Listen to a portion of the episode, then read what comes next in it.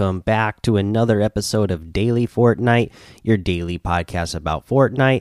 I'm your host, Mikey, aka Mike Daddy, aka Magnificent Mikey.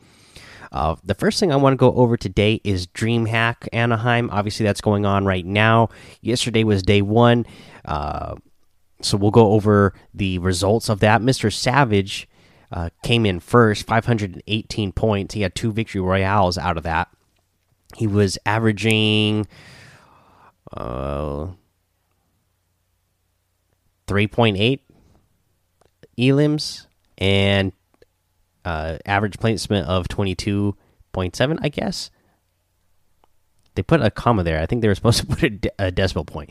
Uh, anyways, we had uh, Jacob Wavy had 497 for second. Uh, uh, had 494 for third. Riverson had 483 in fourth.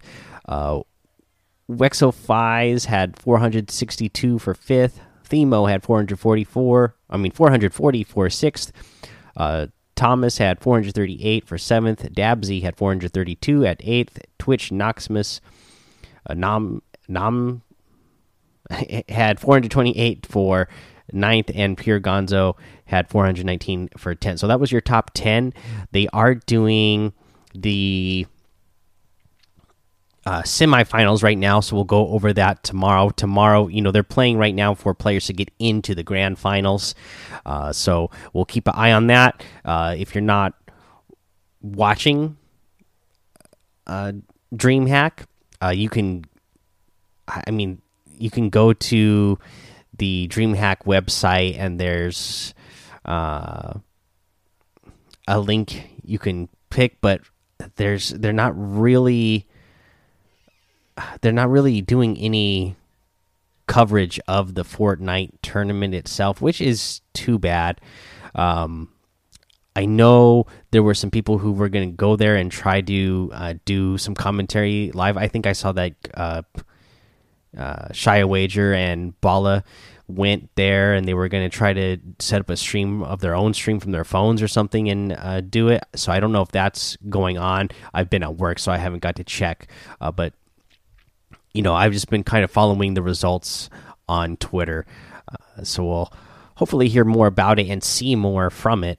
Uh, that way we can kind of see what the play was like. I'm sure there'll be data that comes out after everything uh, is all done. People will get the information so that we can kind of uh, grab the numbers from the the pros and see where they were landing and what they were using and all that uh, good stuff.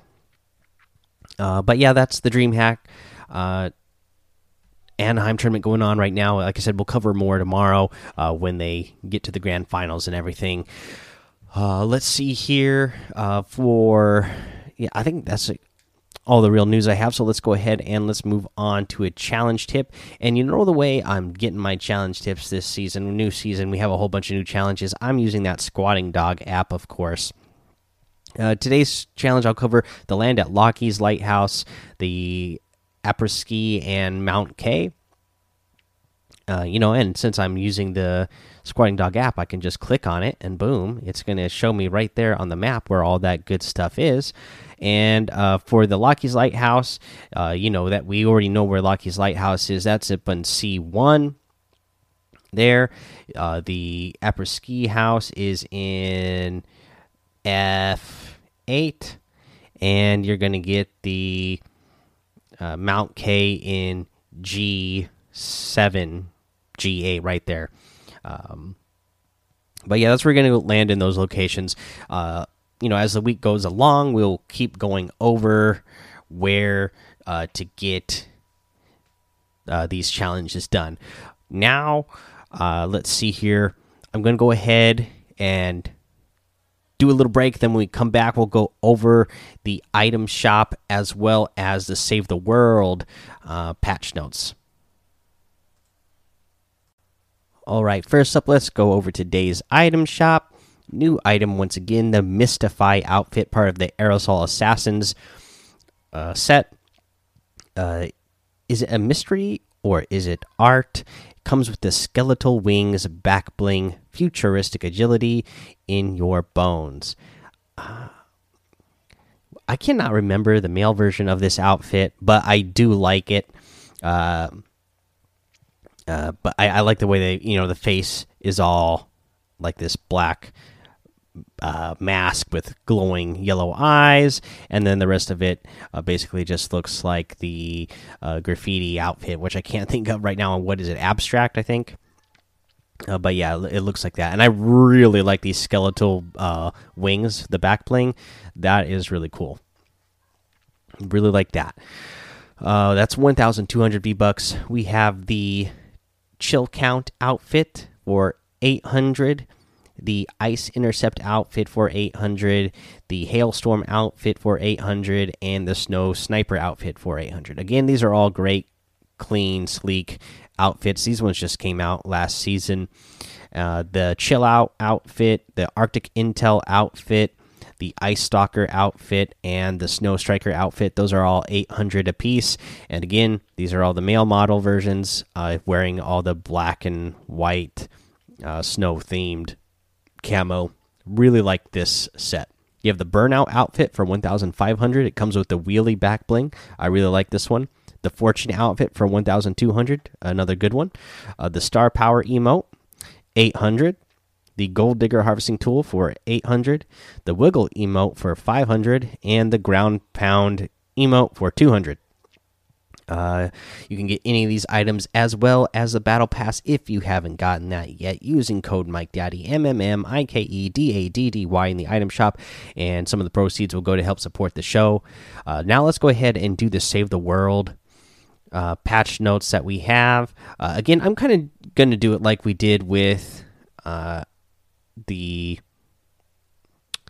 the uh, creative patch notes, right? So there's not as many details things to go over, but there's like characters and weapons and stuff. I'll just kind of hit the quick details on those uh, and say kind of just go over the fact that they're in the item shop in the save the world section. But so here's a save the world home base status report.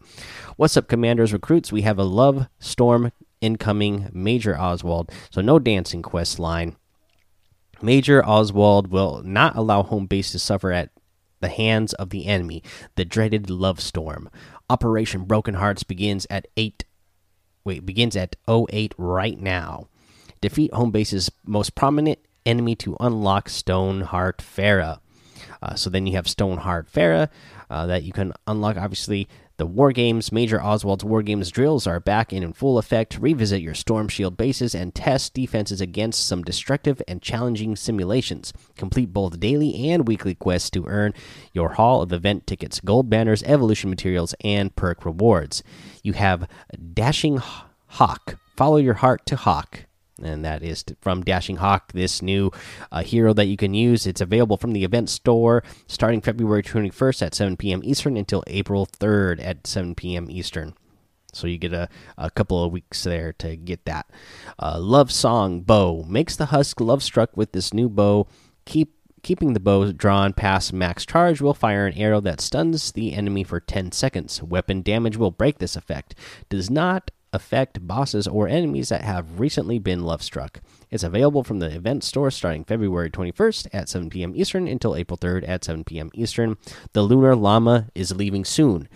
The might of the dragon weapons and Chinese New Year heroes crammed into one tiny llama. Grab them before the llama blasts out of the store in the version 12.10 update. Both Lunar and the new Llama will cost 500 Lunar tickets. Use them or save them, the choice is yours. Note two of these were granted for players who were impacted by the early Winter Llama uh, conversion, and any remaining Snowflake tickets have been converted into additional Lunar Llamas. Uh, I was one of those players, uh, so I got two of these uh, Lunar Llamas for uh, for that. General General's Boot Camp. The storm is starting to throw some new mixes of enemy waves at us, commanders. I fully expect each mission you embark on to have varied husk encounters going forward.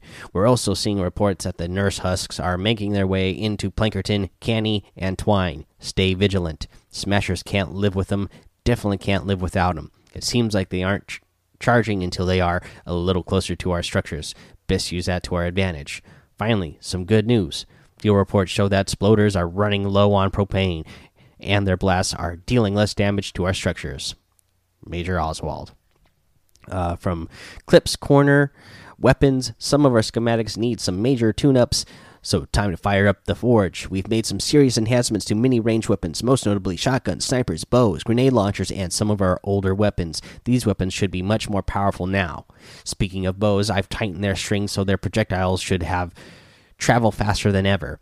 I'm making some further adjustments to the boom bow, vacuum tube bow, and vindertech seeker as well. The boom bow was recalibrated to have lower base impact damage and projectile speed, but now deals even higher damage when fully charged. Make them count. The vacuum tube bow now triggers its lightning on hit rather than elimination and has a longer lightning range.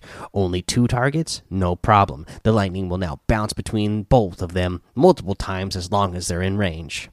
I've improved the Vindertech Seeker homing arrows with significantly better accuracy and reliability. They can also hit husks at a much larger distance. Additionally, some small impact changes were made to the following Retro Sci Fi Assault, Neon LMG, the Neon Assault, Retro Sci Fi Pistol, Tiny Instrument of Death, and Zap Zap. Fear not, I've made them eligible for reset in case the slight impact reduction isn't your style. Finally, utility perk slots on weapons, reload speed, magazine size, durability, stability can now be rolled to damage if you want to go all in on those husks.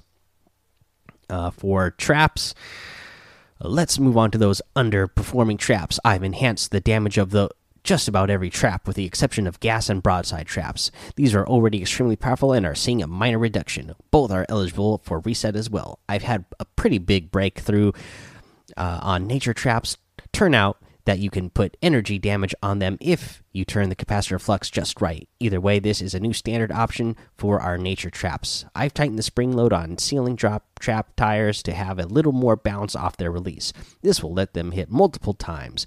Take that, husks.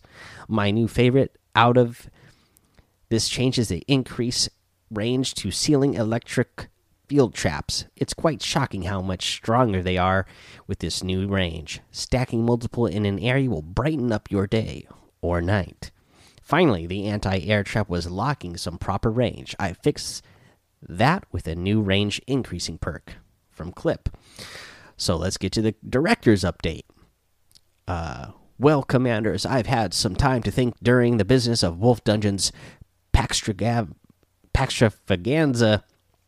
what if the HUD was in other missions? Time to find out. Make sure you adjust your HUD settings for optional efficiency. There's a new way to perform patch to perform batch recycles in your inventory. The batch recycle interface has a new auto recycle button which lets you pick a rarity and mark all the pesky schematic lingering in your inventory. At that rarity or below, spring cleaning in full effect from Director Riggs.